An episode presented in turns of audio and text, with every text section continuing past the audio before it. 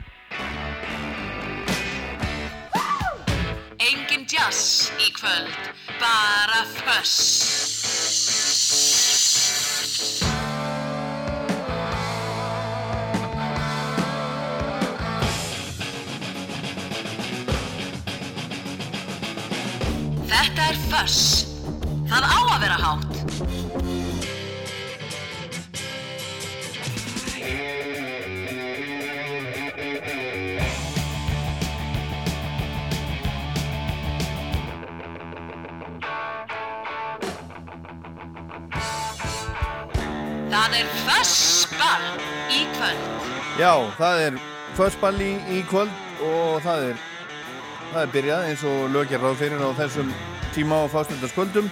Ég heit Ólaður Pál Gunnarsson og ætla að spila rock til klukkan 10 í kvöld. Klukkanum átta núna 20 mínútur, 26 mínútur í, í 8. Og við byrjuðum hérna á hljómsveitinni Dimmu, lag sem að heitir Þungur Kross. Þungur Kross, þessi kross á að vera þungur. Þetta er lag af plötunni sem er plata þáttarins þessu sinni, Myrkraverk sem að var að koma út Myrkraverk með dimmu sem að var tíu ára núna undir lok síð, síðast árs. Og þeir ákvaðu strákandir í dimmu eða þeir Ingo og Silli Gerdal að gefa plötuna út bara aftur, remixana og fara þær í gömlu grunn upptökurnar, fengu Ívar Bongo með sér í lið og mixuðu plötuna upp á, upp á nýtt. Þannig að þeir vilja ég er ekki búin að hlusta á hann alltaf ég uh, get ekki alveg sagt hvort þetta sé miklu betra eða aðeins betra eða, eða bara eins en þeir eru á því að þetta sé miklu betra. Meira eins og þeir vilja þetta, þetta hljómi og suma af þessum suma af lögunum á þessari plötu eru eru bara först í tónleikaprogramminu hjá Dimmu, til dæmis Tungur Kross Solmyrkvi, Solmyrkvi skuggakvæði og svo titilægið sjálft. Myrkraverk, heyru meira þessari blödu hérna á eftir. Svo ætlum ég að opna fyrir Óskalaða síman klukkan 8 eitthvað svo leiðis og svo er gerstur hjá okkur í kvöld sem að er með 8 lög sem passa í fass og síðasti gerstur var einhvern tíman fyrir jól það var Stefán Jón Hafstein, gammal útastmaður af Rástvö og gerstur kvöldsins er líka gammal útastmaður af, af Rástvö Kolbrún Haldarsdóttir sem var einu svonni ráðherra og, og hefur bara gert allt mögulegt, leikstjóri og leikari og hitt og þetta. Þannig að hún er, hún er sig að mætt og með blödubunga undir, undir hendinni. Fáum fullt af, fullt af músík frá henni hérna á eftir. En hér er Judas Priest.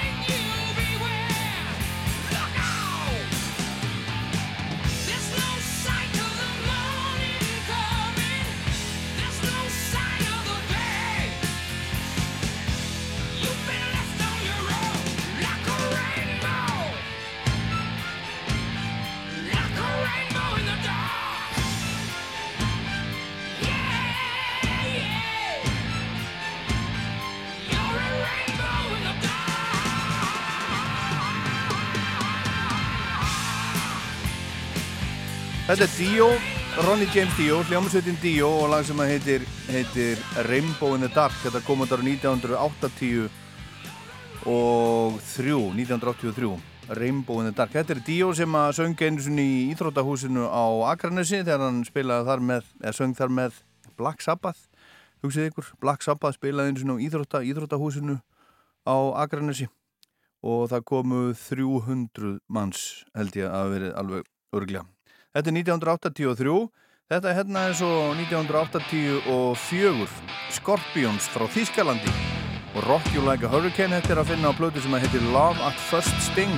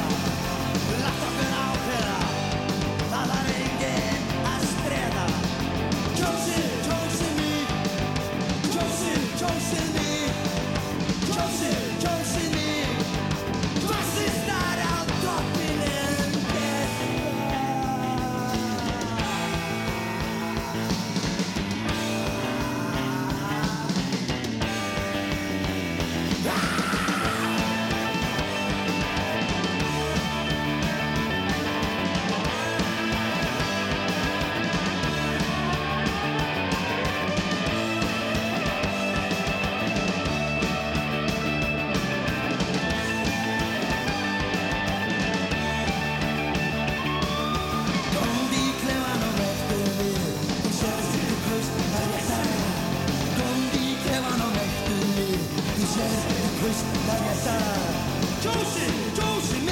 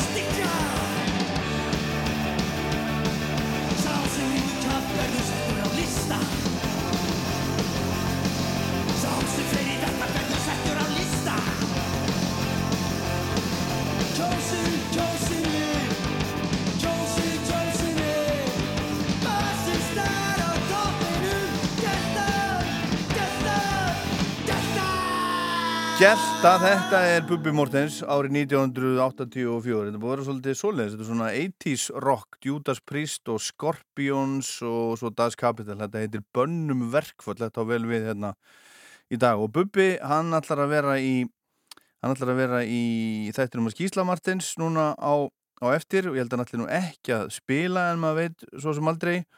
Og, og þar verða fleiri til dæmis Margret Erla Mokk sem er hérna hérna mætt mér sér, bara hún er bara hérna, hérna hjá mér í, í, í grænu. Sjáuð hann ekkert og heyri ekkert í hennu fyrir en hjá, hjá Gísla Martin og eftir en Kolbrún Haldarstóttir er gestur föss í kvöld og við heyrim í henni hérna eftir, eftir smá stund en hérna næst svolítið lengra eftir í tíman Deep Purple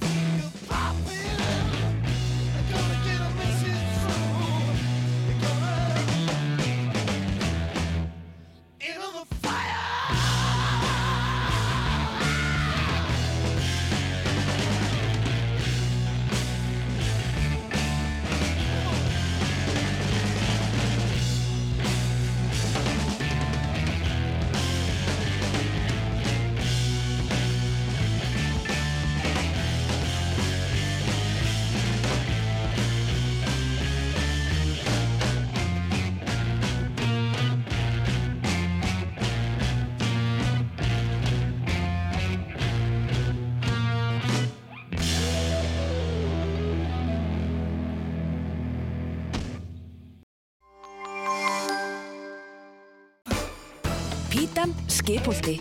Ítaljan, alltaf fersk. Alvöru útsölum úrbúðurnar líkur um helgina. Síðasti sjans að fá 15 til 50% afslott. Hvar sem þú ert á landinu getur við annast bókaldi fyrir þig, rafræn og snertilust. Vinnum þetta saman. Þrjúskref.is Time Out hægindastólin er sannkallaður heimilisvinnur. Þið eigið eftir að eiga góðar stundir saman. Komdu og fáðu þér sæti. Betra bak leggur grunn að góðum degi. Mexikoska ostablandan frá gott í matin er tilvalin í tacos, burritos og ídífuna. Sérstök Mexikos chili kryddblanda færir matagerðinni ósvikið og gómsætt söður-ameríst brað. Gott í matin. Áttu þínar eigin tölur alltaf í lottóinu. Hvernig væri að prófa sjálfval með líka? Hrista eins upp í þessu? Lottó. Leikurinn okkar. Hæ, þetta er Jón Ólafsjana. Á sunnudagin var reyndi ég að stitta landsmunum stundir með góðri tónlist. Ég fjallaði meðal annars stuttlega um tværi merkisplötur, annars vegar fyrstu soloplötu Johan Osborne og Út í kuldan fyrstu breyðskifur hljómsættarinnar Grafík. Þið getur hlusta á þáttinn í spilaranum og á rúf.is. Sunnudagsmorgun með Jóni Ólafs. Fyrir þá sem hlusta sjálfur. CHR-vitringar vita að Toyota CHR Hybrid er bíl eins og engin annar.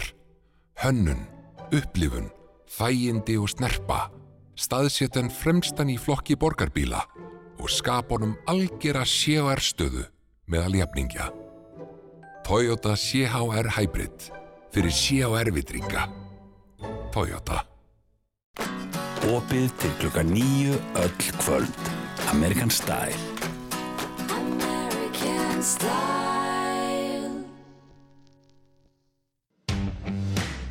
Afternoon Delight, Blissful Moment, My Diary, Midsummer Glow, Lakeview. Þetta eru nöfn á litum í nýja Dexo litakortinu frá Flugger. Dexo 1 er alveg mörg málning fyrir loft og veggi. Flugger litir. Við erum með þér í bókaldinu og öllu sem við kemur upplýsingatækni. Advanja. Friday Night Rock Show. Skamstafa Þöss. Alltaf á föstudugum Alltaf á föstudugum og nú er föstudagur og klukkan er, er orðin átta og ég ætla að opna fyrir síman hérna eftir, óskalaga síman en gerstur þáttarins er, er mættur. Kontur Sæl og Blessuð, Kolbrún Haldursdóttir Kontur Sæl og Blessaður og takk fyrir að bjóða mér í partí á föstu degi Herðu, þú ert, þú ert náttúrulega, þú ert svona eins og svo margir aðri, þú ert, þú ert allt mögulegt, þú ert, þú ert, en sko þú ert fyrst og fremst fyrir mér gammal útastmaður á Rástvö. Já, það ég nú, veit það, eitt, fyrir því, ég finnst það mjög fallegt. Já, svo ertu, svo ertu, þú ert leikstjóri og þú ert að starfa sem, uh, hérna, uh, varaformaður í BHM, bandalag háskólamanna, leikari úr fyrir um umhverfisráð þeirra, ímislegt. Ég var einmitt að hugsa það á þann, sko, það var svo mikið breyst síðan þú varst umhverfarsáðara. Þú varst fyrst umhverfarsáðara, eða ekki? Nei, nei, nei, nei, var það ekki? nei, nei, nei, nei. Allavega í mínum huga, varstu fyrst í umhverfisráðara. En það var einhvern veginn, sko, ég fór að hugsa þetta, skildur hann að vera fyrst umhverfarsáðara vegna þess að það var einhvern veginn eins og, sko, umhverfismál voru ekki svona ofalega bauði á þeim tíma eins og í dag. Nei, Nú er þetta bara aðal málið. En eigum við ekki bara semja það að ég hef verið háværasti Það En það ekki ágætt bara. Já, Já, já, þetta var uh, ákveðin tím, tími í lífi minni, ég hef verið tíu ár á alþingi og endaði með hundra dagar setju sem umhverfisræðura og þetta var bara svona, ég held mér finnst ég stöðut verið í einhverjum háskóla, einhverju háskólanámi já, og svo er ég alltaf að fara inn á nýjan og nýjan vettvang og núna er ég bara að- einmitt. Og það var í, horður á, horður á fréttinnar á þenn? Nei, það er svona með öðru öfunu. Já, þar var, var verkalýsfóringin Mm. Uh, að uh, svona í smá, smá ati við, við uh, þinn gamla félaga og þínum gamla flokki, Mhm. Katrínu. Já, já. Þannig að þú ert hérna, Nei, ég meina það er bara hérna eins og í mæstjórninni, ég meina það er atvinnu þref, nú Já. stendur það yfir. já.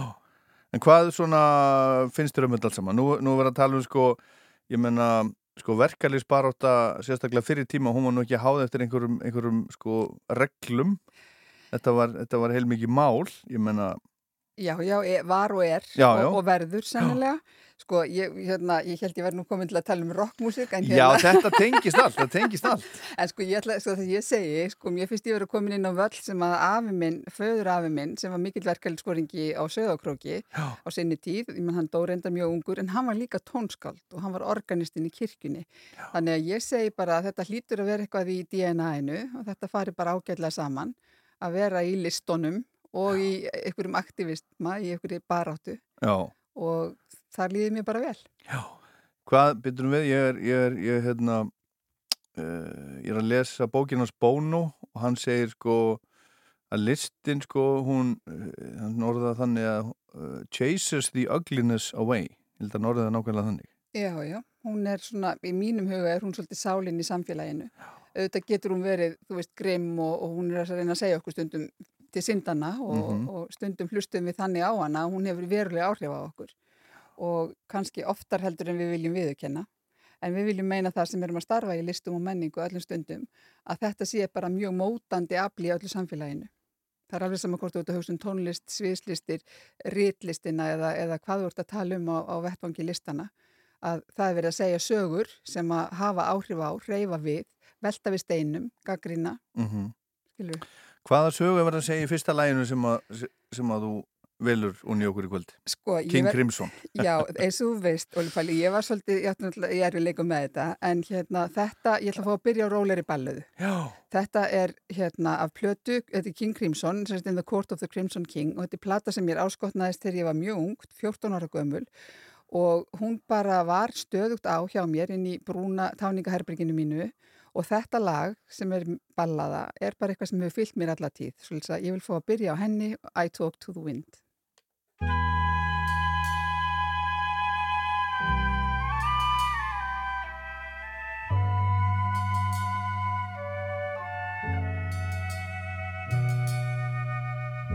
Said the straight man to the late man, Where have you been?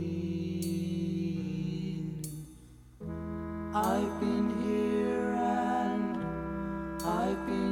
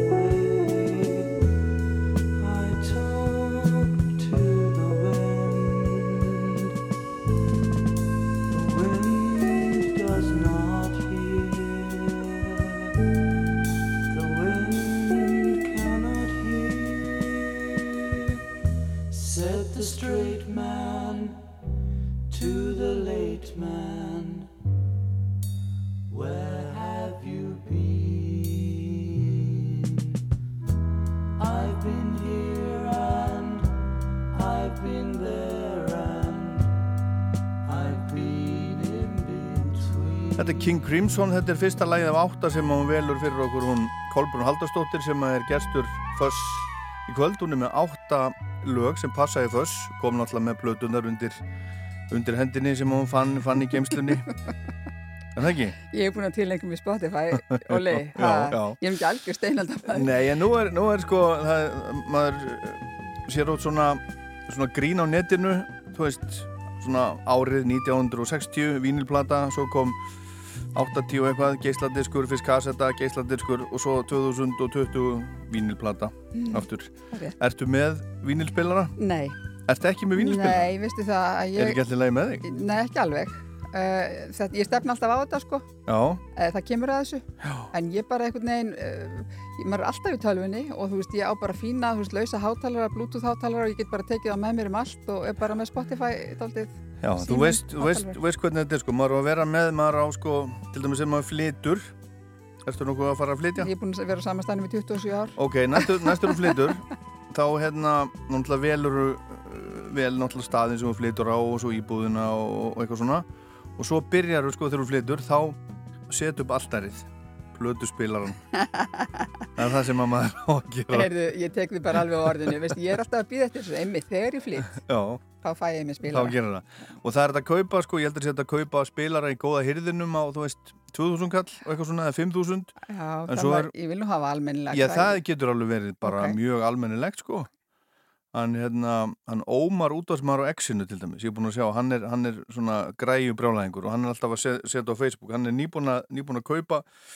tvo svona uh, ætla sér ekki bara svona 70 orger, 71, 2 að Pioneer blöduspilurum eins sem hann er búin að gera upp sko, Mhm. bara sjálfur alveg eins og pappi átti og ég veit ekki hvar hann, hann er mér langar mikið í, í svona Heyrðu, Ég ringi því þegar ég flytt og Já, færa og svo er þetta til náttúrulega í bara hljómsýn og hinum og þessum búðum og, og svona. Já, já. En hérna, en þessi músík, þetta, þetta er kannski svona, þetta er svona kannski sem að verður til, eh, kannski út frá bítlónum, eitthvað svo leiðis, bítlarnir gera Sgt. Peppers og eitthvað svona og rockið þróast úr því að vera bara Little Richard og Chuck Berry og það allt saman, þróast út í svona eitthvað, svona smá psychedeli og eitthvað svona og þá verður þetta prog rock til. Og þetta var það sem að punkararnir þóldi ekki. Uh, nei, þeir gerðu það ekki, en sko þarna held ég, sko, ef við tölum að þessum King Crimson, því að ég hlustaði mikið á þessa plötu, þetta er löng, stóð, þetta er stór plata, það er að segja stór verk á henni, það eru löng lög Mhm. og rosalega svona massi músík.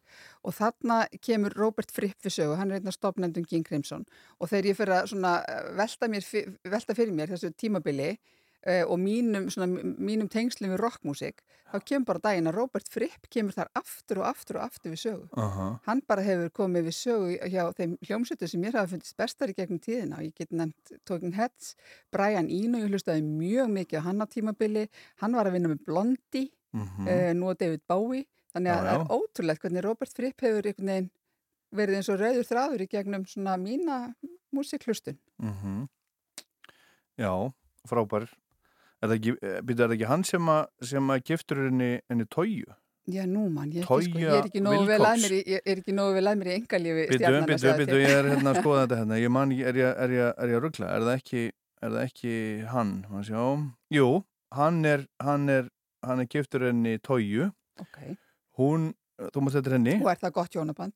Já, ég menna þau eru, þau eru frábært þú ættir að tjekka á því, þau eru nefnilega alltaf að taka upp hérna lög í eldúsun heimi á sér. Já. bara og þessi lög og setja á, setja á neti, það er mjög skemmtilegt að fylgjast með þeim. Ég þarf að Alls gera konar að sko, upp Þau eru þráðinn. frábær. Að fínt, ég skal bara taka upp þráðinn hérna þegar við hættum að tala. Vegna þess að- að ég síðan náttúrulega þegar ég fyrir að velja rockmusík sko, að þá hef ég hlustað mikið á sko rock, alvöru rock þegar ég er unglingur og svona fram að því að ég verð mamma. Mhm. Eh, eins og ég hef sagt þig áður, ég kom inn einhvern tíman í þáttinn tíði með Nínu Hagen sko, svonum mér var alveg upp á henni. Já, en hérna, svo, hef, svo bara fer ég að hlusta á annars konar músík eftir það. Þá fyrir ég að hlusta miklu meira á sko, svona flóknari músík, ég leiðist meira sér út í mikið að hlusta á jazz og, og klassik og ég fyrir að hlusta á eldgamla músík, þú veist, gömlu leikúsmúsíkina frá 1930 og veist, bara, og óperur óperur og óperettur Það er alveg búin að missa það held ég núna alveg búin að missa veist, Nei, það, það, það er nefnilega yfirgefum mann aldrei ef það næri tökum á manni þá bara bætist hitt við Já, og þetta er allt þetta, þetta er allt, Þetta er allt annað. allt gott í bland og svo þeng, tengist þetta allt Já. og svo er, svo svo gaman að listafólki sem að leifi sér ákveðna svona fusion á milli þessara stílatra Já. og notar það sem það, veist, kannski hefur í bakbókanum á eitthvað svona nýjan eða skapandi hátt. Mér er Mm. alltaf fundist það spennandi. Þetta er allt saman, þetta er, þetta er nefnilega ekki svona einhver hólf og svart og hvít, þetta er bara eitt risastort svona, þetta er svona regnbói Já, og það er bara, það er allt, allt það er, það er all, eitthvað gott í þessu öllu. Já, já, og þegar það eru góði listamenn sem að vita hvað þið vilja og hafa svona einhverja sál og einhverja svona, einhver bruna og einhverja passjón fyrir listinni, að þá veistu aldrei hvað það Það fært. verður að vera passjón. Það var nú heldur betur passjón í næsta manni, Já, Jimi he- Hendrix, sem að þú allar, að- spila fyrir Já, okkur. það er sko engin ballaða, það er nú engin loggmódla þar. Ha, þetta er bara eitt af þessum lögum sem ég sko dansaði mjög mikið þegar ég var unglingur og vildi vera alveg endalust dansandi og þá valdi ég bara músík og hlustaði bara músík sem ég gætt hreift mig við og þetta er dæmið það, við bjóðum upp á Fire.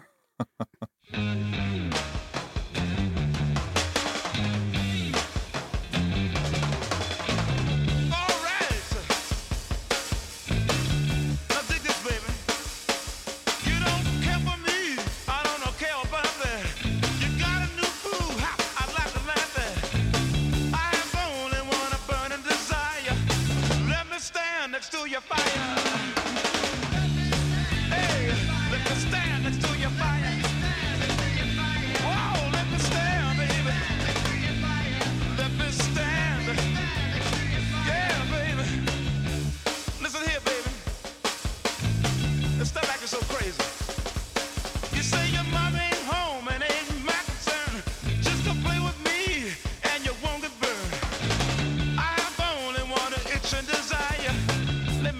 Stand next to your fire.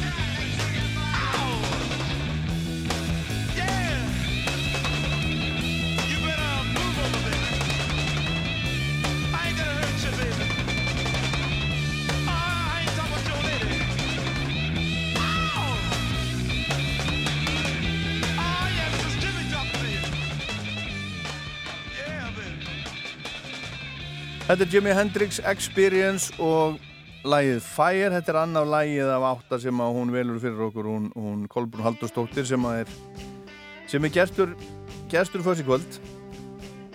Uh, var útvarskona hérna á Rás 1 eitt í gamla dag, þú varst á, nei, á Rás 2 þú varst á Rás 1 líka þegar ekki? Jú, jú, jú. Jú, jú, Ég byrjaði á rás 1, 79 kannski, Já. 80 fyrir Ok, og hvort var nú meira gaman að vera á Rás 1 eða 2? Það var bara tvent ólíkt. Hvort var ekki mjög Pólitískt- skemmtilegt. mjög pólitískt svar. Já, ég meina þetta var bara rosalega skemmtilegt. Og Þetta var bara einn háskólinn sem ég lendi í fyrir Já. tilvíljum svolítið. En ég elskaði það að vera í útvarpi. Mér fannst það alveg rosalega gaman. Aha, en Og- hættir samt Já, en ég minna að þú veist, eftir kannski ykkur tíu ár. Þú Veist, það er fínt að vera á sama stað í cirka tíu ár. Sko. Er það? Já, já, ég minn svo bara... sko, ég er búin að vera hérna lengi Já, nei, menn það kannski hendur okkur öllum ekki það sama. Nei, Nei, nei, ég, svo er ég tíu ár í pólitík og Já. svo er ég búin að vera í tíu, tólf ár í svona menningar pó- pólitík, verið fórsendi bandalags listamanna og, þú veist, þannig að, og, og Já, já. skapa náttúrulega líka. Ég hef alltaf verið að skapa leikhús með Mhm.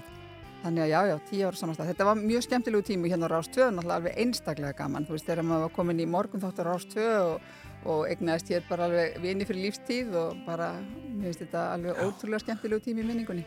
Uh, byrju, er það ekki rétt muni hjá mér að þú hafi verið í fyrstu útsendingunni? Nei. Nei, þú varst ekki í fyrstu. Þá En þú, var þú ég varst, þú varst þá. Já, sko, ég var með morgun þáttur á Rás 1 Já, þegar já. Rás 2 fór í, fór í, hérna í gang. Hún er fyrir í gang 83, er það ekki? Fyrsta Um, desember, jú, jú.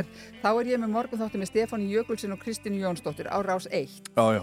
og ég kláraði alveg þannig vetur svo er ég komin yfir á rásina uh, ári síðan, þar sé í desember 84 þá er ég að gera þætti á rás 2 um myndlistamenn í músík Já, Já, og þá er ég að hafa upp á sko svona fólki sem að, þú veist, byrjaði í myndlistaskóla en leiti svo út í músík, ég meina bara ég var nefna John Lennon, þú veist, og þá Já, já. Þannig að það, eru, það er alveg ótrúlega gaman að- skoða hvað margir myndlistamenn hafa orðið síðan áhrifamenn í tónlist. Það er mjög, já, já.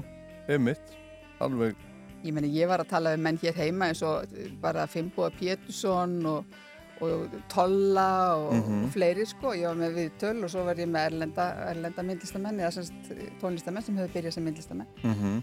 Þetta hefur örglatt glatast, Óli Palli. Já, það var ekki verið að geima mikið af, af þáttum á þeim tíma. Ó nei, þessu var Það var verið að, verið að, já, já, það var verið að, verið að spara. Já, já. Svo var ég líka með, það var barnaefni á Rástvö nefnilega líka. Ég var að gera með henni Valdísi Óskarsdóttur sem er kvikmyndaklippari Óskarsveluna hafi Já, já. já. Við vorum að gera þætti saman af því að hún hafi gaman af að klippa líka út á sefni og við gerðum eh, flink. svona hálftíma svona slott fyrir krakka Já, já. á, eh, það var eins og jóladagatal á Rástvö. Þannig ég hef gert alls konar. Þú hefur gert alls konar. En, en varstu eitthvað svona með, með svona opna símalínu? Mjög mikið. Er það? Ég var með Stefán Jóni Hafstein. Ertu til? Já, já, já, já. Herðu, síminn 5687123 hjá okkur, okkur kollu. Það eru, það eru rock óskalögin og við skulum sjá hvort að, hvort að eitthvað er að, eitthvað er að frétta. Býtu, er að nú er hérna, aðeins að, Tæknin eitthvað að stríða þér. Sko, í rauninni já, það þetta er náttúrulega bara klaufaskapur í mér, skilur við. Þetta er, þú þetta ert er ykkur hérna, alreyndasti útvarsmaður já, en það er alltaf verið eitthvað, ég, eða svo langt sín, jú, nú er þetta komið. Maður þarf að íta á réttan stað á skjánum. Það skiptir miklu máli. Þá, þá hérna á maður að, þá er lína komin. Halló? Nú, nú, það er bara ekkert Það er að þessi frétta. Bíddu, Þessi, jú, nú er það komið. Halló? Blessaður, Óli. Já, góðan og blessaðan daginn. Ertu búin að hlusta nýju jólatengó? Nei, og við erum ekki, ég er ekki einn hérna vegna þess að hún Kolbrún er hérna líka, þannig að viltu vinsanlega spjóða Rosalega er, ég, rosalega er ég ánæður hérna með uh, King Crimson lögin sem að kolla er að velja í gott. Þetta er glæsilegt. Já, er það ekki? Ég vildi helst geta að spila plötuna allar, sko. Heyrðu, ég, hérna, já, ég heiti Óskar. Já, sæl Óskar. Ég, Óskar Pétur, ég er reyndar hittnari að redd heldur en Kort of the Crimson King, en þær eru báðar frábærar. Ok. Herðu, og hérna, já. Starless and Bible Black Pantherinn er fín líka, en, en King Crimson voru svona svolítið toppurinn á blokkinu, sko. Já, var það Er það ekki? Jú, ég held það. Ég var náttúrulega svo ung þegar þetta var, en ég held, meina, þeir bara meittluðu sig inn í mína sál. Svo, svo er náttúrulega, Hérna- svo er, sko, svo er, svo er sko tónlistasagan er alltaf að stilla þessu upp á móti punkinu sko, en svo til dæmis þeir játuð svona viðkjöndu þannig þegar við komum hérna til mín einhvern tíman í Rockland strákarnir og Purki Pilnik að þeir voru búin að vera að hlusta til dæmis á King Crimson þegar, þeir voru yngri og ég menna þú- Purki Pilnik var alveg geggjaðislega rosa- vel það- spilandi band. Það er rosalega soft spot fyrir blokkinu hjá böngurunum, sérstaklega hérna Rush. Já, og, Akkurat. og fullt af böndum. Og, og þið, þú hefur séð minnböndi með hérna Toyu og, og Robert Fripp Já, ég- akkurat, Ég meina, Óli Palli var einmitt að er sína mér, í svo hann var að sína mér rétt aðan. þetta er komið í svo marga ringi eða hálfa verðin og sko. Já. en Herðu, hérna, ég er með ég er með rosa challenge fyrir þig, Óli. Nú jæja, það er svo leis það er, það er hérna það er rosalegt svona stoner plast Mhm, stoner rock. Það heitir hérna Comets on Fire mhm, hljónstinn mhm. Og lagið heitir The Bee and the Cracking Egg. The Bee and the Cracking Egg. Með Comets on Fire. Já, já, þetta er allt saman klárt. Og þú ert að ringja hvaðan Já. segiru? uh, Langkólsvegi Á Langholtsveginum. Maður hafa þetta allt saman hérna austur, austur borginni, ekki austurbænum. Austuborginni Akkurat, herðu, þakka að kella fyrir að ringja Ég spila þetta, eða við kolla spilum þetta hérna eftir, við lofum, ekki satt? Og meira Krimson. Já, takk fyrir þetta, kærlega. Ok. Allt í fína, bless, bless. Já, bless. Erðu, höldum við náfram. Símanúmerið er 5687123, ábyggilega sama númerið og var þegar, þegar þú varst hérna áður fyrr. 5, 6, 8, 7, 1, 2, 3 Ég er ekki alveg viss, nei, var Ég ekki eitthvað annað Ég held að sé, sé bara það 6, sko. 8, 7, 1, 2, 3 5, 6, 8, 7, 1, 2, 5, 6, 3. 8, 7, 1, 2, 3 Já. 5, 6, 8, 7, 1, 2, 3. Já, Já. það er þetta. Halló? Já, halló? Já, góða kvöldið. Býttu nú við, eru margir í einu? Nei. Nei, nei, ég lappa bara til, liðar aðeins að og hátt stilt upp útvarpið, sko. Já, já, já, já. Herðu, hver er Það er þar? ekkert annað. Ég heiti Jón Pálmarsson. Já. Hvað er þetta að Ég ringja? fylgdi nokkur sinnum áður. Já. Sögurkróki. Já. Akkurat. Og hérna, gaman að heyra að þú ert með kollu. Já. Hún myndist á sinna króknum, þannig að hérna, Já, já, þú náttúrulega ekki til hans jú, jú. Auðvitað, það gera það allir króksarar, skaffringar. Auðvitað Já, já. Já. En hérna, mér langar hérna britt upp á Kim Larsen, eða gasolín. Já. Ok, Já, hvað, já, hvaða hérna, lag? Eh, var Görfi nú, Lilja Dú? Þetta þarf að segja aftur, ég er nefnilega ekki á heimavelli í, í, í þessu. Það heitir? Uh, það, það er gasolín, Já. var Görfi nú, Lilja Dú? Hvað er við nú, líli dú? Já. Hvað er ekki Já, dansku já, já. Ég var einmitt að pæli í hvort ég ætti að taka eitt sko rock frá hérna á Norðurlöndunum og ég var reyndar að pæli í sko TV2 Já, og já, ég já, var já. með í huga fantastiska Toyota en svo hugsaði nei, ætli það megi ríkisútvarfi Það má allt saman. Það má allt, það má allt hér. það, er- það, er- það er hægt að banna hluti í dag í útarpinu sko. Það, já, það er ekki... hérna, e, það er bara þannig sko.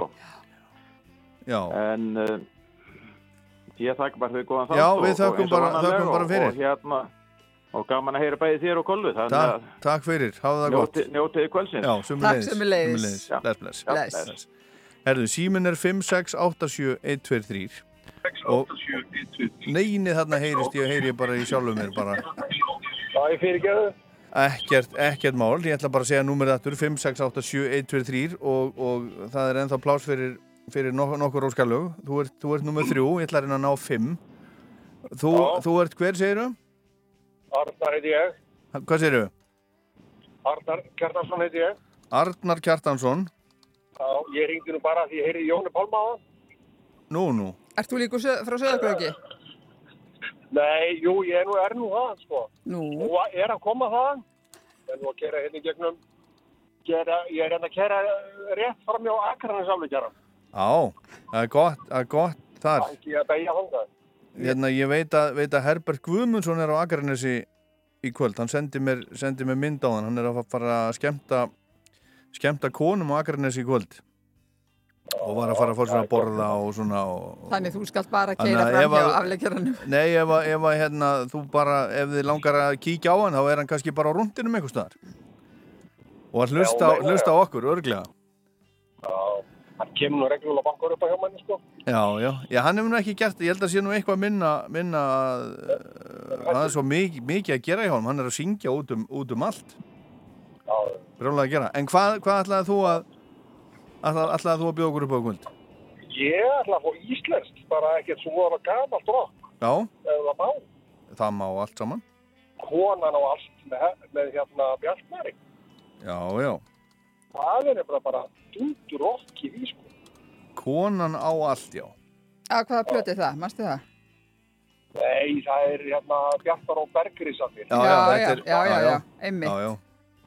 Er, er þetta ekki svona, er þetta ekki svona um einhvern, einhvern gaur sem að sem að setur allt á hausinn en, en það er aldrei hægt að, að náni útrunum vegna þess að konan á allt Já, já, hann er svíkur og brettar og rænir og ruttar og konan á allt samt. Einmitt. Hann er marg sem í svona gjaldrátt og... Akkurat, já, já Því miður þá er þetta nú svona Sko, er Bjartmar er svo mikill hann er svo mikill sagnakall, hann segir alltaf sögur í textunum sínum sko. Já, og hann er bara svo mikill svona er hann svo kláð. Já, hann er, hann er frábær Herðu, þa þakka þið fyrir að ringja og hlusta, hafa það gott Ok, bless, bless Og það eru fleiri hérna, 5, 6, 8, 7, 1, 2, 3 Er síminn, hver er þar? Rástöð? Já, góða kvöldið. Góða kvöldið. Sigurður heiti ég. Þú heitir Sigur Þór, já. Mér langar rosalega til að heyra hérna Júræja Hýp. Já. Look at yourself. Já. Look at yourself. Akkurat. Herðu, ljómandi, ég ætla að ná hérna einum, einum menn hérna. Rigningar kveðjur frá tenni. Nú er, ertu þar? Já. Ok, og rignir þar núna? Já, það var hérna skífall fyrir svona tveim tímu síðan. Er það ekki bara gott? Jú, það er gott fyrir gróðurinn. Já, einmitt, þetta er rétt að við. Takk að þið fyrir að ringja. Ah. Já. Allt í góðu, takk Já, fyrir. já. Bless, bless. bless. Rástu? Halló? Halló? Já, góðan, blessaðan. Já, hver er þar? Svavar Smárasson heiti ég. Svavar Smárasson, hvað er þetta að ringja? Er ég ríkja nú á Úlfarsdalum? Já. Og hvað ætlað þú að bjóða okkur upp á? Er ég spurði konuna mína Já. hvaða lag hún vildi heyra og hún gæti ekki svaraði. Nei, ok. Þannig að ég er komin aðeins í svona hvað ég að byggja um. Ég verð að byggja um eitthvað gott, sko. En ég er búin að fá mikið að postum að lemmi á Facebookinu minn undanfarið Já. og ég kveikti eitthvað aðeins á moderöndum daginn. Já. Og ég væri til að kemur eitthvað óvart með moderönd. Með Ég mótorhend? var ekki óskalag. Já. Já. Eitthvað gott, þungt, rock. Ok. Herðu. Ertu ekki með það? Þetta er komið. Þú Ég kemur til. óvart með þeim. Já, já, ég er til í þetta. Geggjað. Takk fyrir hlakka til. Ég á bless. þáttinn. Já. Já, va. bless. Já, ég kóla, þetta var hérna svona smá upprifun fyrir þig í, í símatíma í útarpi. Já, já, þetta var bara ánægileg reynsla. En Já. segðu mér, alvöru spurning, Mm eru bara strákar sem hingið þig? Ekkert svona, engan, engan hérna, sko, í, já, ég verði að játa, nei, það er, endar, það er ekki alveg þannig, en ég myndi segja að sko hlutfalli væri svona kannski 80-20. Ég veit ekki hvernig nákvæmlega stendur á því vegna að ég veit að það eru náttúrulega konur að hlusta, sko, og það ringja sumar og, og, og allt það. En, Og það er kommentir á Facebook og svona, ég meina. Já, já, en það eru, þú veist, það eru fleiri kallar sem, a, sem að ringja. Mm. Ég, veit, ég veit ekki, hefur þú einhverja, einhverja skýringu? Nei, ekki hugmynd.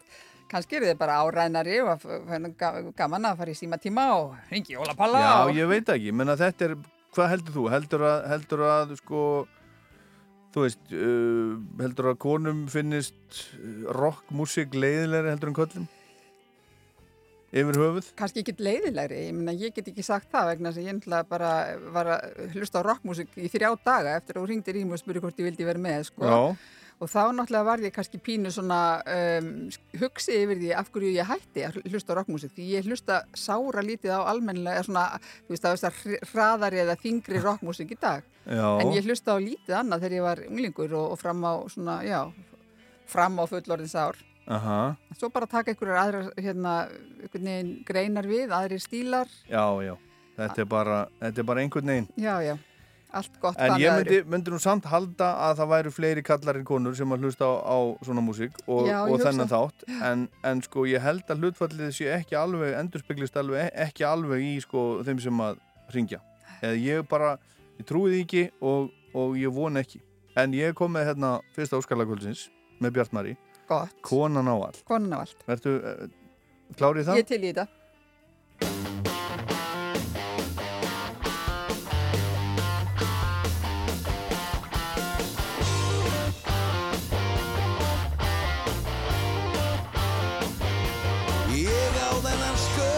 Sel Ég á þessa ísu. Ég á þessi lónur rótt Ég á þessan hnísu. Ég á þennan banka blues Ég á þennan þingmann. Ég á þennan ráðara Ég kipta á ætta tjúpp og kallan swingmann. Ég á þetta kröfudrast, ég á þessa rústir. Ég á þessa fossa, þessi fjöll og þessa dústir. Ég á þessa orkur leynd, ég á heita bæð og kalda. Ég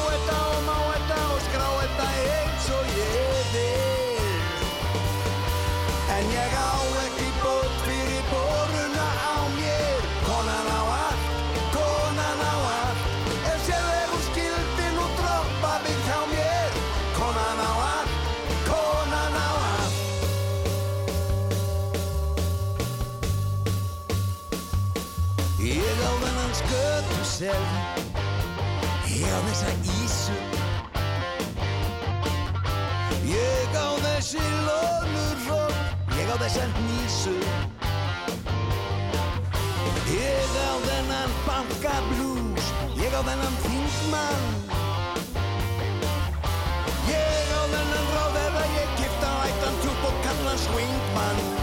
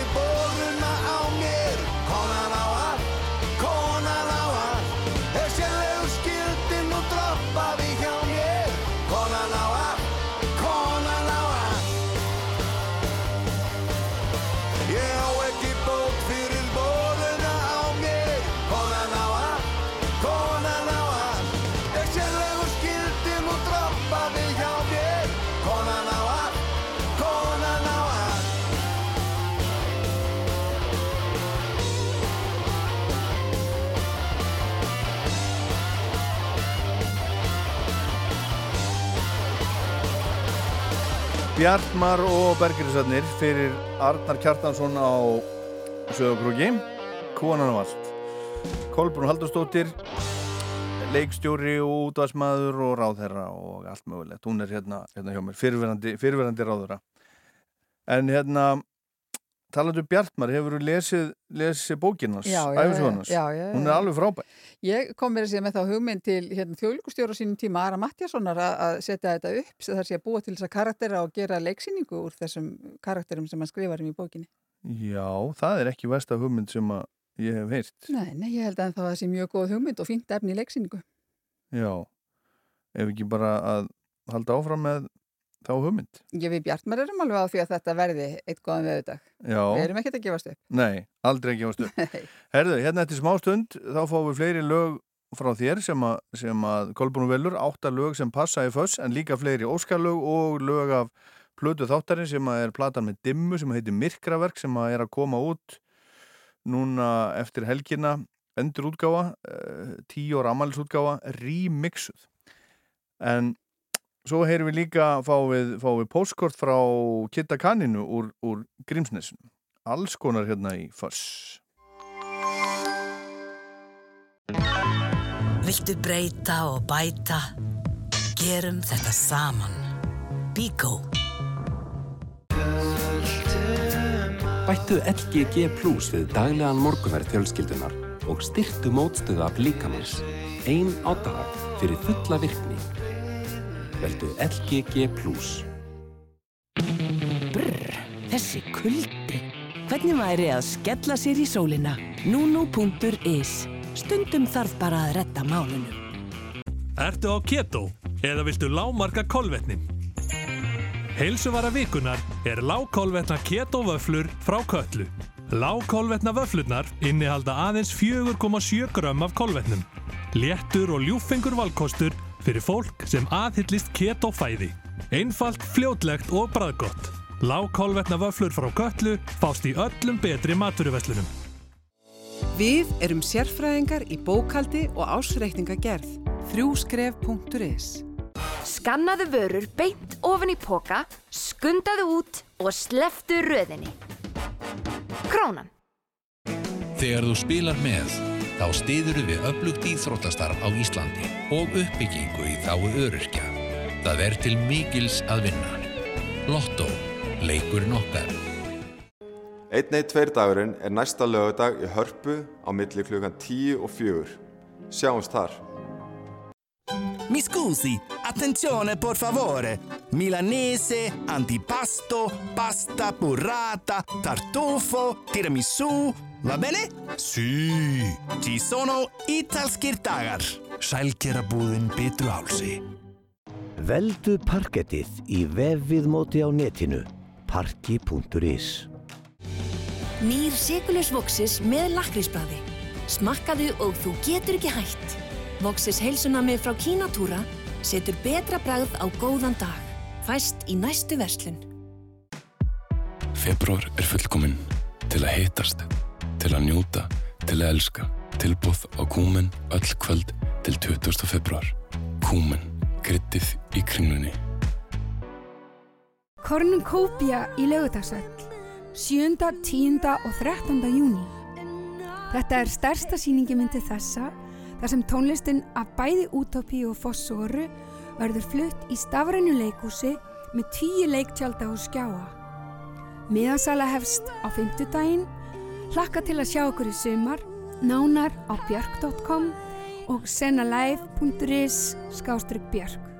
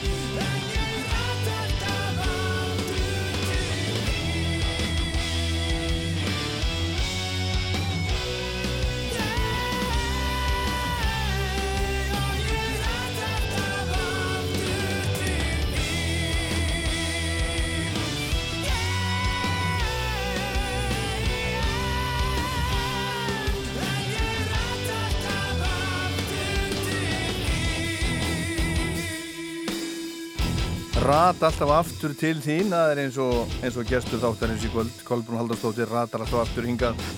Heim, heim. Til mömmu rúf. Í ríkis, ríkis útarpið Herðu, þetta er dimma, þetta er að plötu þáttarins, þetta er, þetta er platan Myrkraverk sem kom út fyrir tíu áru síðan. Nú er hún tíu ára og, og þeir voru að endur hérna mixa. Og faraði bara í gömlu upptökurnar og Ívar bonga á með þeim og þeir bara er búin að gera nýja útgáfa plötunni. Og hún er, að, hún er að koma út núna, má sjá, byttu hann sendi mér, hann, hann Ingo Gerdal, hann sendi mér hérna hann sendi mér fréttatilkynningu og ég er búin að, búin að loka henni.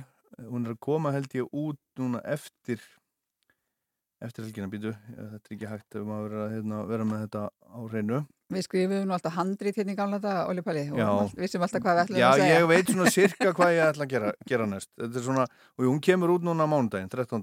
februar Frábært, en það er flott áferð á þessu, greinilega mjög vel gert. Já, já, þetta er, þetta er vandað og, og vel gert hjá þeim Herðu, en hérna þú ætlar að spila næst fyrir okkur Pink Floyd Aftur í táningaherbyrgið, Mhm. eða já, ég hef kannski verið í Vestló, sko, þegar þetta er, hún 73, eitthvað Dark Side of the Moon kemur út.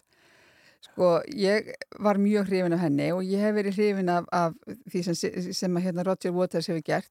Og ég líka svolítið að rifja upp, ég man ekki nógu vel, sko, það sem hann, hérna, sem dó, hann Sid Barrett, sem byrjaði hann með þeim, sko. mm Hann var líka rosalega tilraunakendur og ég man eftir einhverjum plötum hér í Rúf í gamla safninu sem að ég finn ekki á Spotify Mm. sem að þeir voru að gera einhvern veginn í byrjun. Eða hann var að gera held ég, Sitt Barrett hafi sjálfur einhvern veginn Jó, ég held að þetta sé nú, sé nú allt, allt þarna sko, hann var með þeim, ég man ekki hvort hann var á man ekki hvað hann var á mörgum plötum. Allavega, ég fann þetta ekki þegar ég var að leita á Spotify en enga stíður, Dark Side of the Moon er bara mínu, ein, eina mínu uppáhalds. Og lagi sem ég hef valið að spila núna er sko dálítið sérstakt af því að þar, er, þar eru svona auka hljóð, ekki bara hljóðfæri Já. og ég hef alltaf verið svolítið veik fyrir því þegar hljóðfæri eða tónlistamenn fara að nota svona annað heldur en hljóðfærin sín til að búa til og rithmasetja skilru og þetta er sem sagt bara lag sem á afskaplega vel við núna og heitir Money Þetta var alltaf vel við og þetta var mikið spilað í útarpinu oft notað svona þetta intro akkurat er einhver svona peningafréttir Já, já, og þetta, þetta notar hann bara á rytmasetur, mjög flott.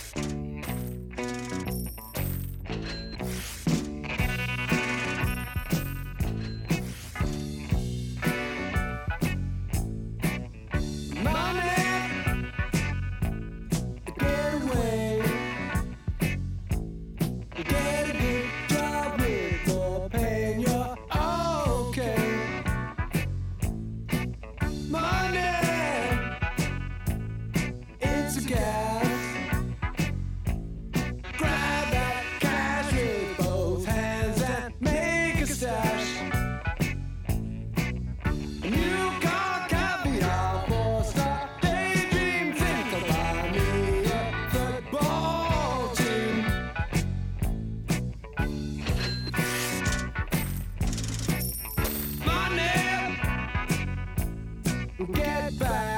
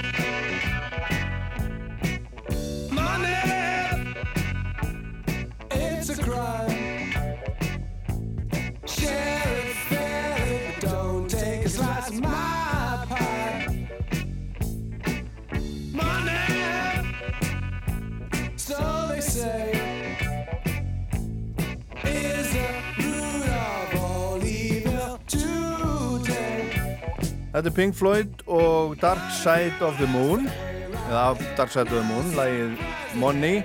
Og þessi plata hún lifir nú heldur betur vegna þess að, að það er nú bara reynlega núna á morgun sem að þessi plata verður flutt í Eldborg í helsinni ekki, eh, Pink Floyd er ekki sko og ekki, ekki? Roger Waters. Þetta eru, þetta eru Matti Matt og Magni og Einar Þór Jóhansson og Borgarnesi og Óli Holm og Nýta Önsk og Ingemundur Óskarsson og Bassa. Þetta eru unni dundufréttir svona, m- svona, ja, svona hliðar hliðar uh, gata við dundufréttir Haraldur Vaf Sveinbjörnsson, hljómborðarattir Helgi Reyn Jónsson, hljómborð gítarrattir Steinar Sigurðarsson, saxafótt Alma Rudd, Íris Holm og Hera Björk söngur og rattir og þetta er bara á morgun má sjá, ég ætla að sjá hvað það er að fara hérna og kaupa miða. Uh, það eru tvennir tónleikar. Ok, þannig að það er hægt að fá miða. Býtu, ég veit ekki, jú, það er eitthvað smottir í hérna klukkan klukkan nýju og svo er líka, líka tónleikar klukkan sex. Já, og það eru líka nokkri miðar nokkri miðar klukkan það eru nokkri miðar eftir klukkan eh, klukkan sex og svo aftur klukkan nýju en sko það eru nýja fréttir af þessu vegna svo að Roger Waters við vinur þinn ég hérna hann er líka, líka vinnur minn. Ég, ég hef alltaf haldið upp á hann og mér hef alltaf fundist hann ótrúlega merkilegur og, og hann er náttúrulega maður sem að gerði The Wall og svona. Og, og en mér finnst hann einhvern veginn ég eh, svona minkandi áhuga á hann ég hlustaði á langt viðtal við hann fyrir svona þremur árum og ég bara hef ekki haft áhuga á að hlusta á hann á hann síðan, hann var svo ótrúlega eitthvað fullur af sjálfum sér og leiðilegur að ég bara hef ekki nefnt að hlusta á hann. Og núna eru nýjustu fréttir. Það er að hann er búin að taka upp nýja útgáfu af Dark Side of the Moon og sumir eru alveg brjálæðir. Og þeir sem voru með honum í hljómsveitinni þeir bara hrista hausin og segja bara, hann er bara endanlega alveg snar, snar klikkaður. Það hefur ekki verið mikið samband á milli sko og, og, og svona og stríð mjög lengi, bara í 40 ár en hann, hann var í viðtali núna e, í Daily Telegraph bara núna held í síðustu viku og hann segir hérna ég samdi the Moon Þannig að hættum öllu þessu, þessu kjaftaði, eitthvað við og hljómsveitin, ég samtið þetta, þetta var mín hugmynd, ég samtið þetta og ég bara gera þetta með sínist. Þannig að ég ætla nú allavega að hlusta. Já, sko, ég meina, nú verðum við líka að skilja á milli, sko, ég meina, eh, þú veist, fullt af af mönnum geta skapað brjálæðislega flott listaverk en verið kannski hálfgerðir drullis okkar, sko. Já, en skiptir það ekki máli?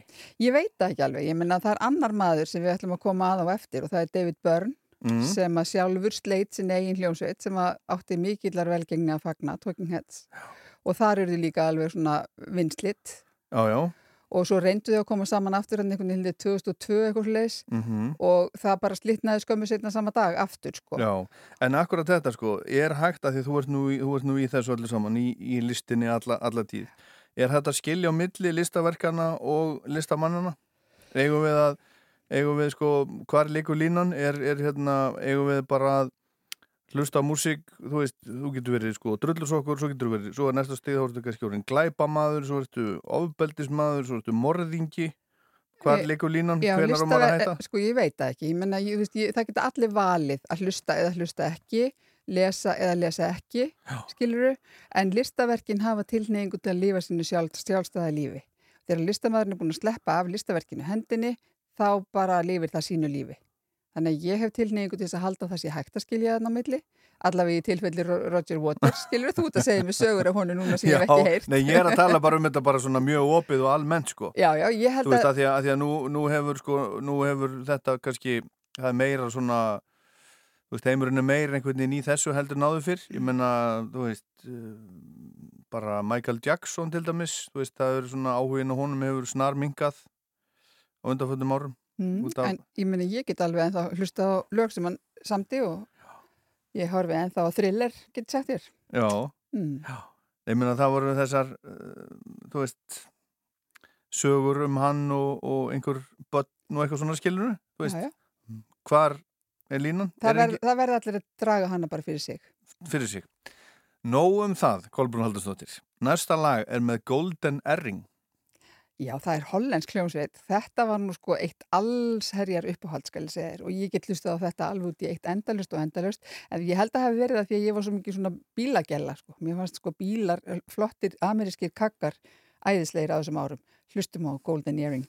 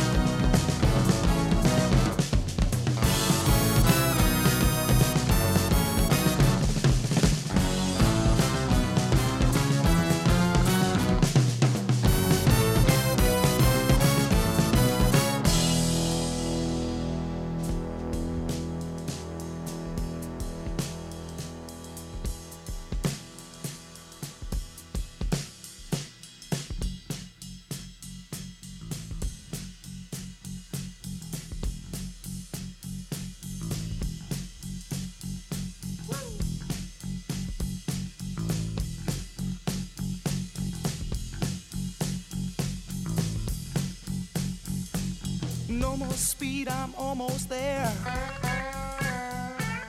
Gotta keep cool now, gotta take care. Last car to pass, here I go. And the line of cars drove down real slow. Oh. And the radio played that forgotten song. Brandalee's coming on strong. And the newsman sang his same song.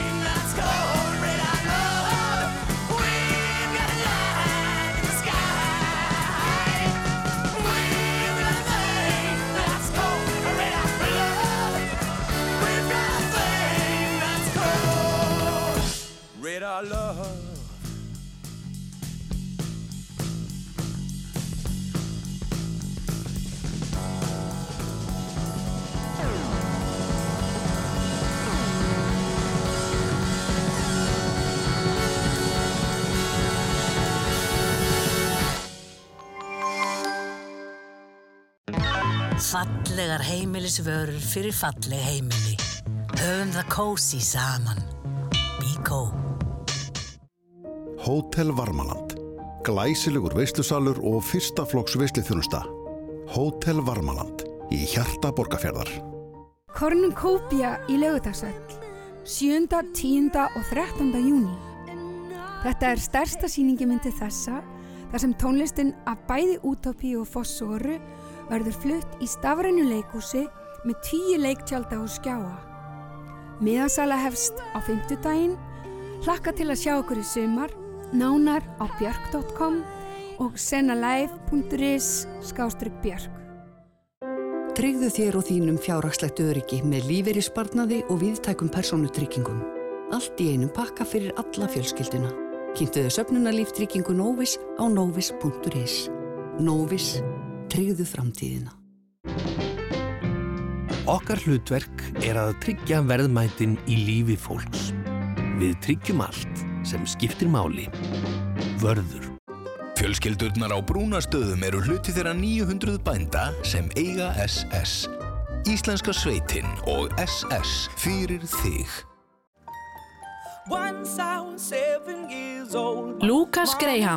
was seven years old. Lucas my Graham. mom told me, "Go make yourself some friends Silfurbergi í Hörpu. you leave." Once I was seven years old. 27. april. Alvarleg líkamsárás varð á vist heimili fyrir börn og ungmenni með fjölþættan vanda í fyrra.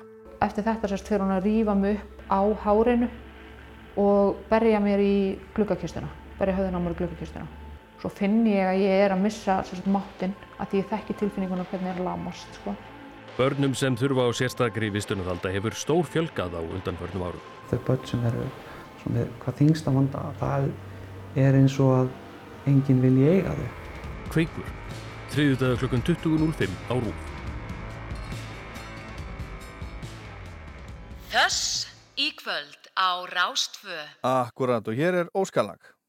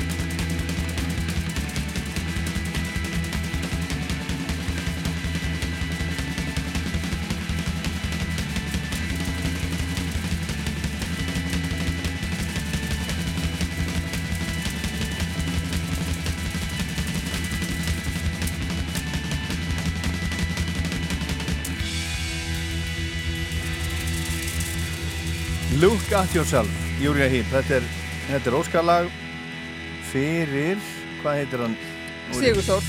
Fyrir hann Sigurþór, þú, Jep. þú manst þetta? Já, já, já. Kolbrún Haldarsdóttir gestastjórnandi hér, hér í Föss eða gestur með átta lög sem að passa í Föss hvernig fannst þér þetta? Þetta var geggjað, sko. Já, en- fílar þetta? Já, já, já, Já. En þetta er ekki alveg svona, þú veist, það sem ég kannski var að hlusta á á þessum árum, en ég má áttu nú eitthvað með júrið hip manni, manni samt, sko. En eh, ég kannski, mín lög eru kannski ekki alveg svona mikið dundur, ég veit það ekki. Er, er ég svolítið, er ég eitthvað svona sissi? Ekki verið að spurja mig neitt um það það er bara, bara velur hver fyrir sig þetta, er bara, þetta bara passar þetta heitir sko átta lög sem passa í Föss og öll þessi lög sem eru búin að spila þau passa Já, ég, bara, ég er- get bara þér það Við erum búin að vera alltaf í strákonum, sko. Ég, meina, ég er búin að vera að taka hérna, King Crimson og ég er búin að vera að taka Jimi Hendrix og, og, og Pink Floyd og svona. En nú langar maður að snúa mér að stelpunum. Já, Það er eiga, eiga rocklaug líka. já Og ég elskaði Blondie, Mhm. hlustaði mikið á Blondie og þannig að er af svo mörg að taka en uh, ég ætla að velja núna hérna eitt af þessum svona hressu uppáhald sem að mér þótti alveg rosalega gaman að dansa við og það er One Way or Another. Já, ég ætla samt að spurja það aðeins á, áðinu spilu það að því að það er sko, þú spurði mig áðan uh, hvort það væru bara kallar sem, sem var að ringja og ég sagði að það væri svona já, ég verð bara viðkynna það það er bara yfirleitt kallar sem að ringja, ekki alltaf e, en svona oftast nær.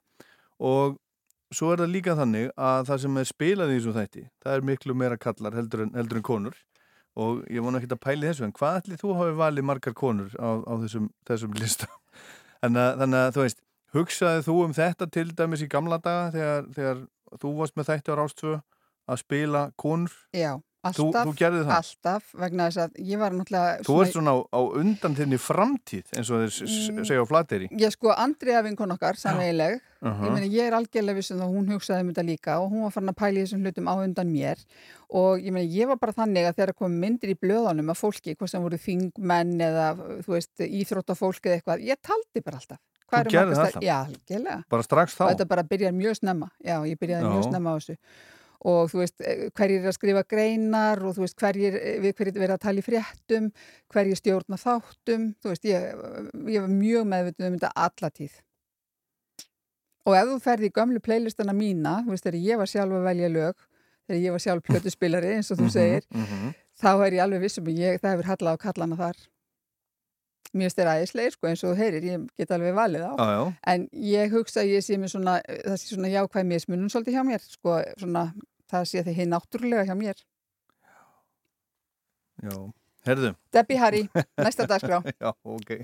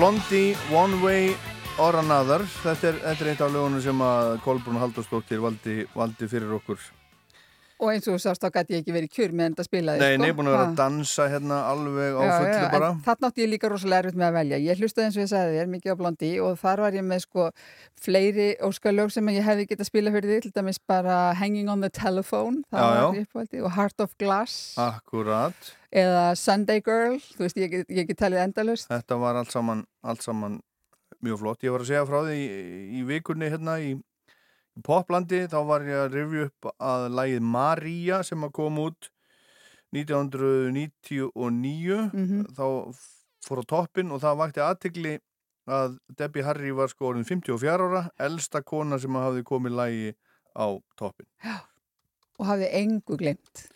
Nei, nei, og ég menna og þau eru, þau, eru, þau eru ennþá að spila og bara mikið, mikið stuð. Já.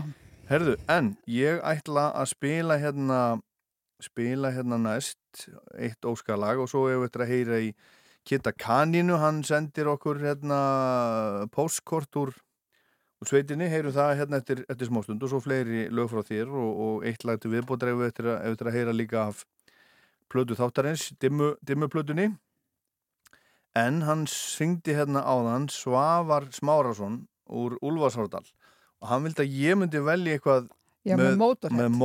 Já. Ertu búin að finna eitthvað? Já, já, já. Áttu uppáhalds Motorhead-lag? Nei, veistu, ná, þeir náðu mér aldrei. Er það ekki? Nei, það var bara eina af þessum hljónstum sem náðu mér ekki. Sko, þegar þetta var nýtt, þá var þetta ruttalegasta rock sem var til í heiminum. Þetta var bara, það var svona, það var svona einhvern veginn, sko, þungarokk sem var líka svolítið punk og já, það voru ekki allir hefnir þessu, en þetta er alveg geggja, hlusta það bara. Þú mátt dansa. Ok. Hækkaðu svolítið. Já, nú hækka ég.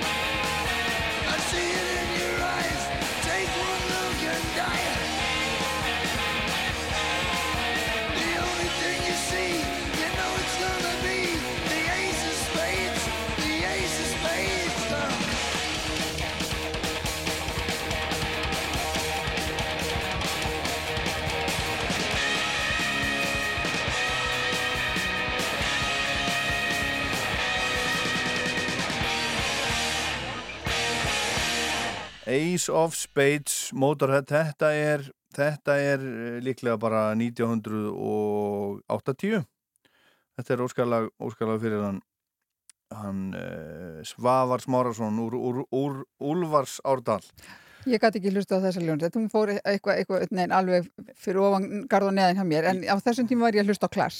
Já, Mér fannst þeir geggjaðir. þeir eru, það er æðislega æðisljónsett, eins og al, albesta. Já, já, ég Ég bara- með, ég með mynd af sko Pól Simonon bassarleikara upp á veggi eldúsunni hjá mér. Fínt. Það sem hann er að brjóta bassan, Já, heyrið, var hún ekki utan á London, hérna, London London Calling? Calling? Jú, jú. Já, einmitt. geggjumynd, Alveg geggjumynd. klikkumynd. Herðu, en svo er það hérna, hann Jón Pálmarsson frá Söðakrúki, hann vildi heyri í Gasolín, Kim Lassen og Gasolín og þetta er, þetta er plata sem að koma út 1980 og heitir Supermix og þetta er nú ekki, þetta er nú ekki rosalega mikið rock en við, við látum það slæta. Látum það slæta. Ha. En þú ert, þú ert klár svo með, svo með næsta lag? Já, já, ég finn eitthvað út af því. Já.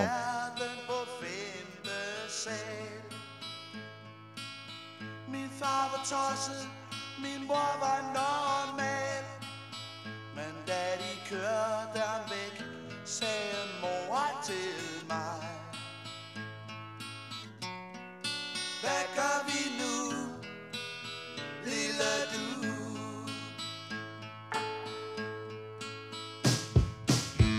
Jeg gik i skole i mange år.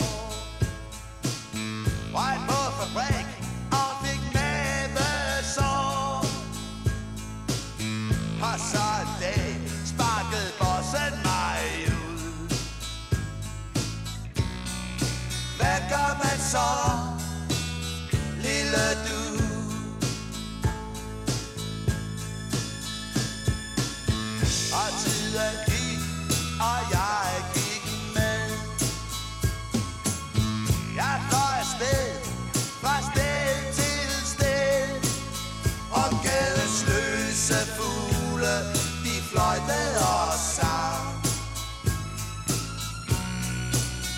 Hvor skal vi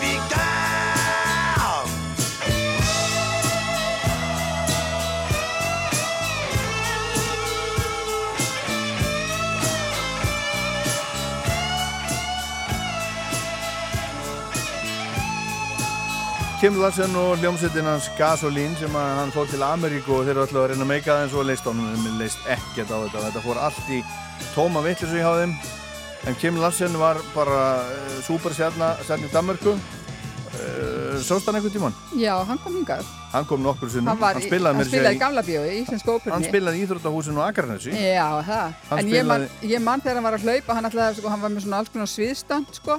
Já. Hann hljóp á, á hérna, út öðru megin og, og hljóp svo undir sviðið og, og kom upp hinu megin og ætlaði Já. að gera það svona 0,1 og svo þegar hann kom upp hinu megin, þá bara var hann blæðandi, þá var hann ekki passað sig á bítónum í loftinu, í kjallaranum. Já, Og í gamla bíó Já.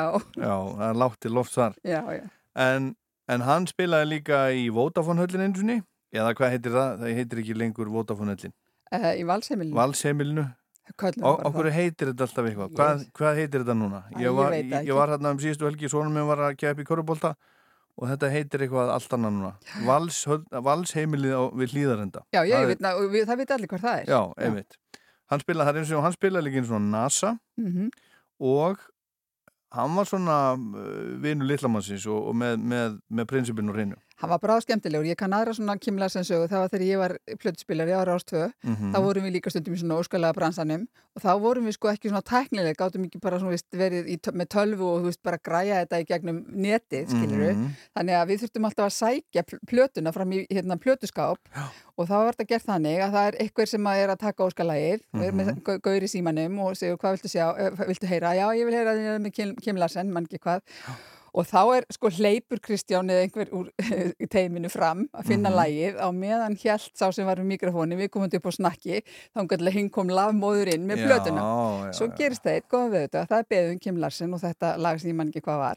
Og Kristján hleypur fram Sigur Jónsson. Og kemur svo fram alveg sko fjólublári framann og, og segir mér hún er ekki hér, hún er ekki hér maðan og það var nú mest í bemmerinn af öllu þegar við gátum ekki orði við óskonum Já, heyrðu, á ég segja hvar platan var? Já, Æ, Bói Hákusson hafði leimast með hana heim.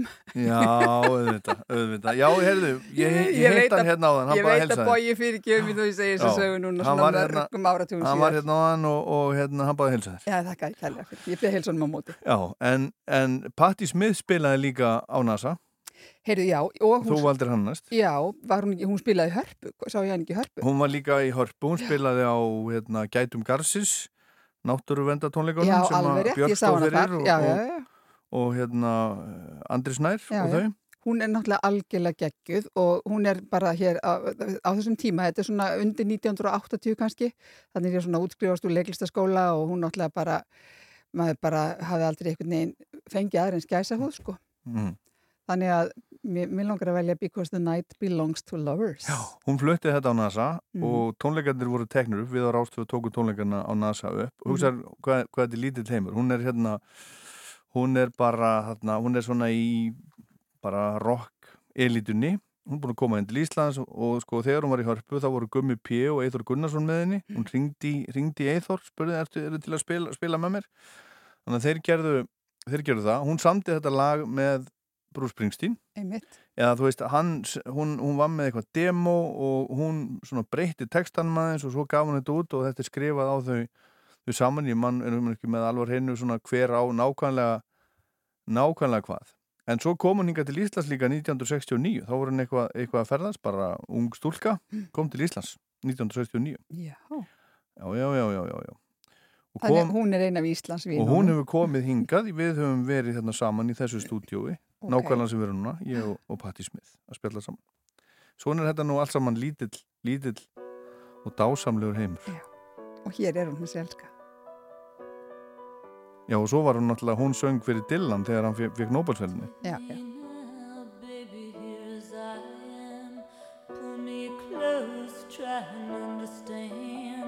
Desire is hunger, is the fire I breathe. Love is a banquet which we feed.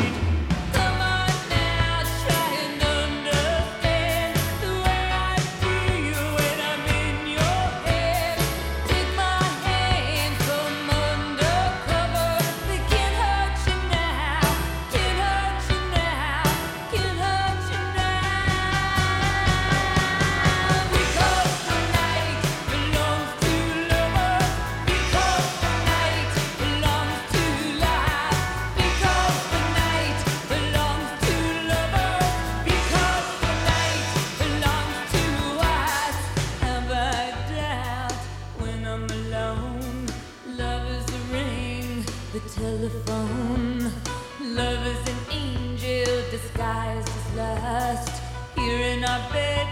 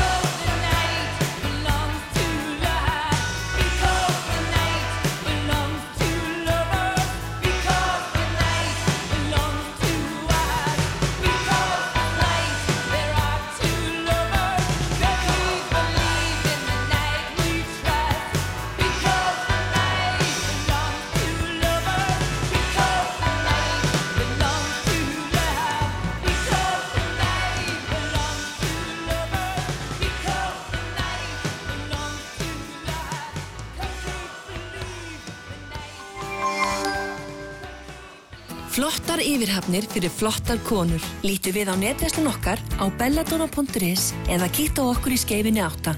Belladonna. Ég set upp kolluna fyrir mömmu. Við setjum upp kolluna fyrir fjölskylduna. Fyrir sýstu mína. Kraftur er stuðningsfélag fyrir ungt fólk sem greinst hefur með krabbamenn og aðstandendur.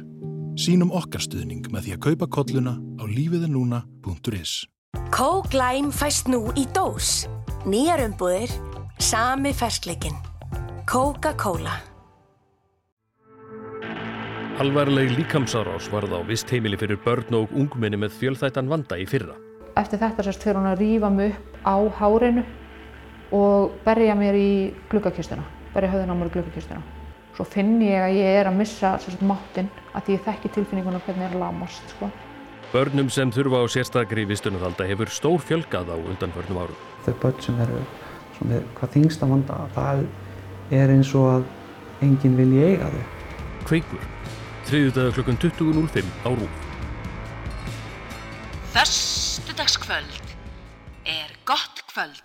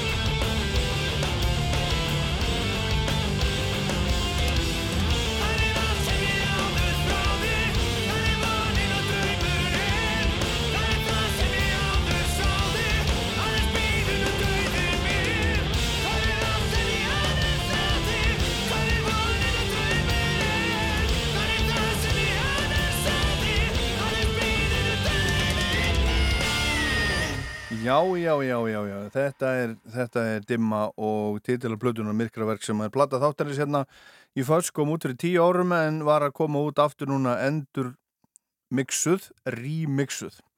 Þetta var, var titilægið og gestur þáttarins Kolbrún Haldarsdóttir búin að vera hérna að dansa bara alveg í allt, allt kvöld. Ég met músikinu eftir því hvort að hún er dansaðin eða ekki. er þetta að dansa við allt og það var hérna, hérna Kitty Kanina sem er, sem er hérna nestur á dagskrá. Hann, hann sendi hérna línu á hann.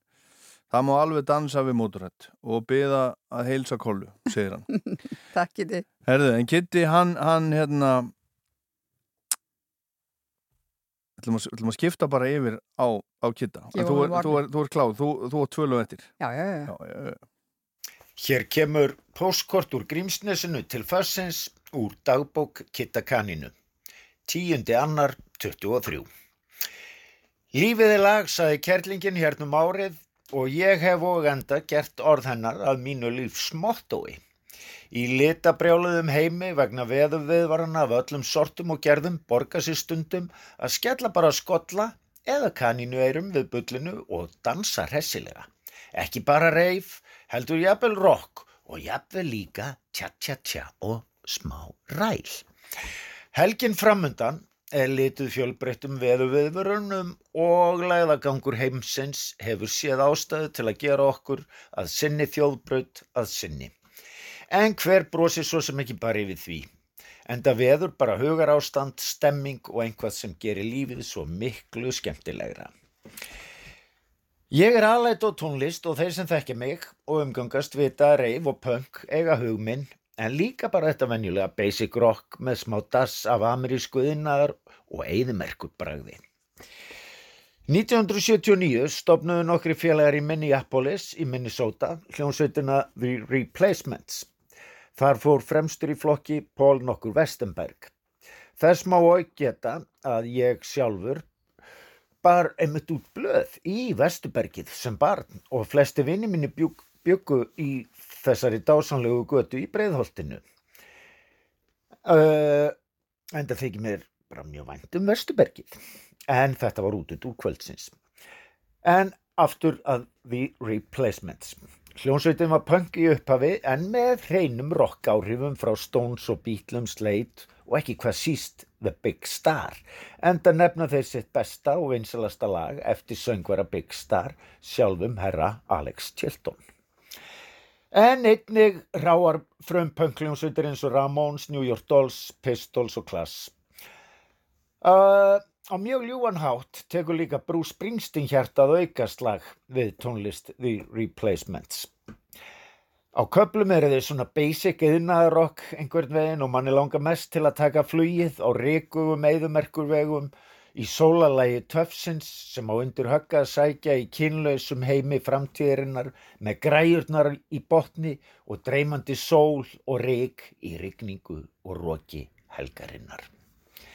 Smellum okkur því til Ameríkur Reps og setjum þeir replacements undir nálina, lagafinni stórkoslegu plötu þeirra Please to Meet Me frá 1987, lagið Can't Hardly Wait, eitt af lokum.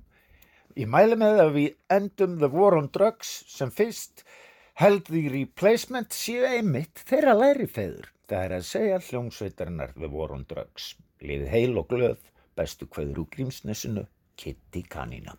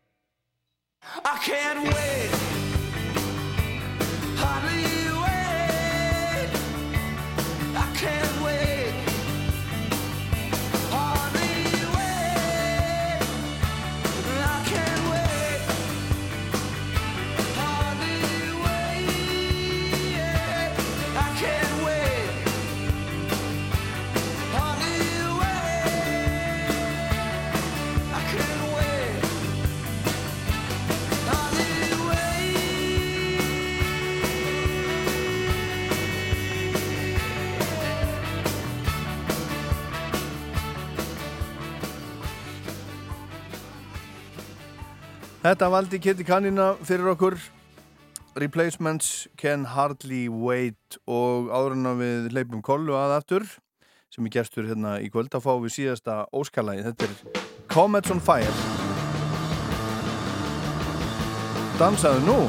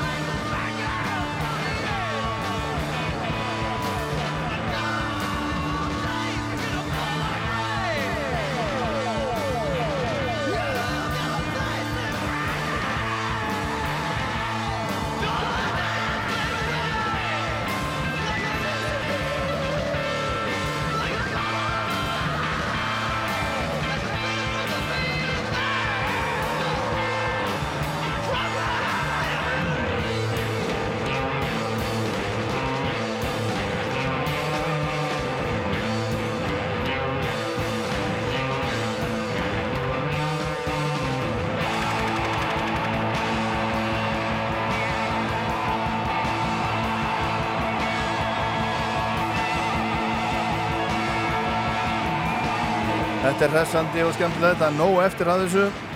Comets on Fire, The Bee and the Cracking Egg. Og hann baði þetta, hann Óskar á, á langkvöldsveginu Þetta er hérna aðeins og vært fyrir því segir Já sko, þetta er ekki, þetta þarf að vera mótaðra sko, þetta er, mér- ég finn ekki rytman, ég finn ekki hljóðfæri, ég get ekki, nei, þetta er bara svolítið sósa. En þú ert nú, þú ert nú með vön eyri, menna þú, uh, þú hérna Þú, var, þú, þú sást sko sjálfsfróun og vombriði Já, og það allt já, saman á já, sínum já, tíma. já, ég veist sko, ég var náttúrulega viðriðin uh, alþjóðuleikusið og alþjóðuleikusið uh, fjekk húsnæði, leikusin, sjálfstæði leikusin fyrir nú alltaf að vera eitthvað staðar svona svona aðeins á, á jæðrinum og við vorum aldeilis á jæðrinum þarna í den uh, með Hafnarbíó sem var braggi nýr við skólagötu og þarna byggum við, útbyggum við leikús, alþýðu leikús í sunnandeild og þarna leikum við hvert leikriti á fætur öðru, Dari og Fó, stjórnleysingi færst af slísförum og pæld í því og, og þetta var rosalega lifandi og flott sena og til þess að eiga aðeins hérna, inn upp í leiguna þá leigðum við þetta líka undir tónleika og þetta var náttúrulega bara alveg þarna í árdaga punksins og þá eru þessar hljómsveitir, vonbriði og sjálfsfróun og hvað er hér allar Já. með tónleika þarna hjá okkur sko. þannig Já, að já. ég satt þarna hverja tónleikan og fætur öðrum með þessum Og hvað fannst þið best? Ég var hrifnust á vonbriði Já. Já. Ég, þeir voru strákarnir mínir svolítið sko. Já. Þeir voru melodískari heldur en sjálfsfróun. Já, en samt var sjálfsögn og melodist um, í rauninni líka sko. Já, en þetta er allt svona, þetta er gott hvað með öðru og þú veist, manni getur ekkert fundist allt vera best, skil. Nei, nei, það er, það er ekki allt best, en, Nei. en margt, það er margt gott. Það er margt gott í, í ymsu. En þarna var þetta bara sköpunagleði, alveg ótrúlega sköpunagleði og þetta voru krakkar sem voru kannski, þú veist, bara, um, þú veist, e, þetta voru ekki kannski svona elítan í, þú veist, unglingahópnum, og, en þeir voru svo skapandi og hugmyndarík og mikil, og mikil kraftur í þeim. Já, já, þetta alltaf bara, bara rock í Reykjavík fólkið. Algjörlega. En, en hvar var aftur, ég ég á minningu sínu var svona kannski 10 ára eða 9 ára eða eitthvað, þá fór ég einn í bíó, kom frá Akranesi, heimsóttu ömmu afa, átti heim á meðlaganum og ég fór í Hafnabíó og sá einhverja, einhverja, einhverja mynd sem ég hef ekki fundið síðan, það var einhver svona, einhver svona space hryllingur. Var ekki bara einhver þýsk mynd sem alveg var... með martröð í margar vikur eftir, alveg hræðilegt. Það var einhverja svona game skrýmsli sem voru svona eins og, svona eins og ruslahaugar einhvern veginn í minningunni. Já, já. en hérna Og það var en, ekki Barbarella. nei, ég man ekkert hvað þetta var. Ég er búin að vera að reyna að googla þetta og aldrei einhvern veginn uh, fundið þetta. En hvað hérna hvað sko hvar var þetta nákvæmlega? Að nú, nú er Nákvæm- þetta náttúrulega löngur rifið. Já, já, en þú veist, ef þú fer barónstíðin, ef þú fer bara barónstíðin frá hverfisgötu og í áttina skúlagötu, í átta sjónum, mm þá var þetta bara mm, svona, þarna Hotel Barón, þú veist hvað það er? Það er við barónstíðin, já, rétt niður við skúlagötu. Og þetta var bara beint á móti. Já, í já. áttina snorrabrautinni. Þannig lág brakkin. Framhliðin var að barónstíð, þetta var bara það var bara hann, uh, bara bíó fyrir hermennina, þetta var bara þannig, þetta var svo Trípoli bíó þarna vestur á högum, sko. og hvað voru þetta, þetta mörg sæti? Ég þórum ekki alveg að segja, það, það var nú drjúgt, sko. Eitthvað innan við 200 kannski. Já, ok. Já ég kom að þessu en ég man ekki hvernig það var. En þetta var ábyggilega verið alveg geggjað. Mér fannst það, mjög Her- skemmtilegu tími. Herðu, en þá er, það, þá er það næsta lag, Kolbrún Haldursdóttir, næst síðasta lagi bara í þættinum, næst síðasta lagi sem að þú velur líka, þetta er lag nummer 7 og þú ert með hérna Grace Jones. Já, við erum í stelpudildinni núna. Grace Jones er eina af þeim sem ég hlustaði á í kringum 80. Hún kom nú hérna 83 og ég sá hana syngja í, gamla, í, í eina af sigtúnunum við Suðurlandsbraut Mm -hmm.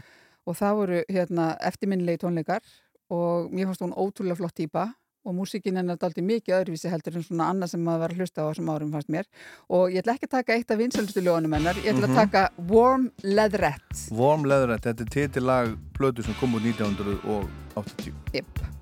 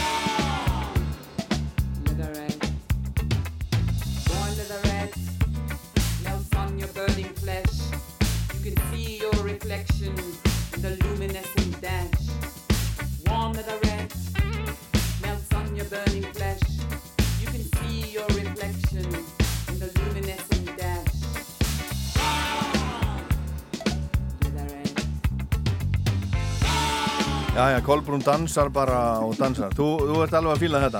Ég fílaði þetta alveg Ha. gott sko. Þetta finnst mér flott og Já. ég átti náttúrulega þurft að velja milli hennar og Nínu Hagen sko en Já. ég valdi hana því að síðast valdi ég Já, ég já, já, til. einmitt, þú komst hérna einhvern tíma með, með uppáhalds rockplötuna þína og þá var, það, Nína Hagen. En hérna, já, og, og sko, Grace Jones er náttúrulega svona, hún er, hún er töffari Öðruvísi heldur og, svo það er, og það er rock Já, og, og svona frumkvöðull. mjög sérstök mannskja greinilega Já. og fór algjörlega sínir eigin leiðir og braut blað svolítið í sögunni. Já, en Þetta þú, þú er ekkert hitt hana þegar hún Nei, kom ég inn á. gerði það nú reyndar ekki.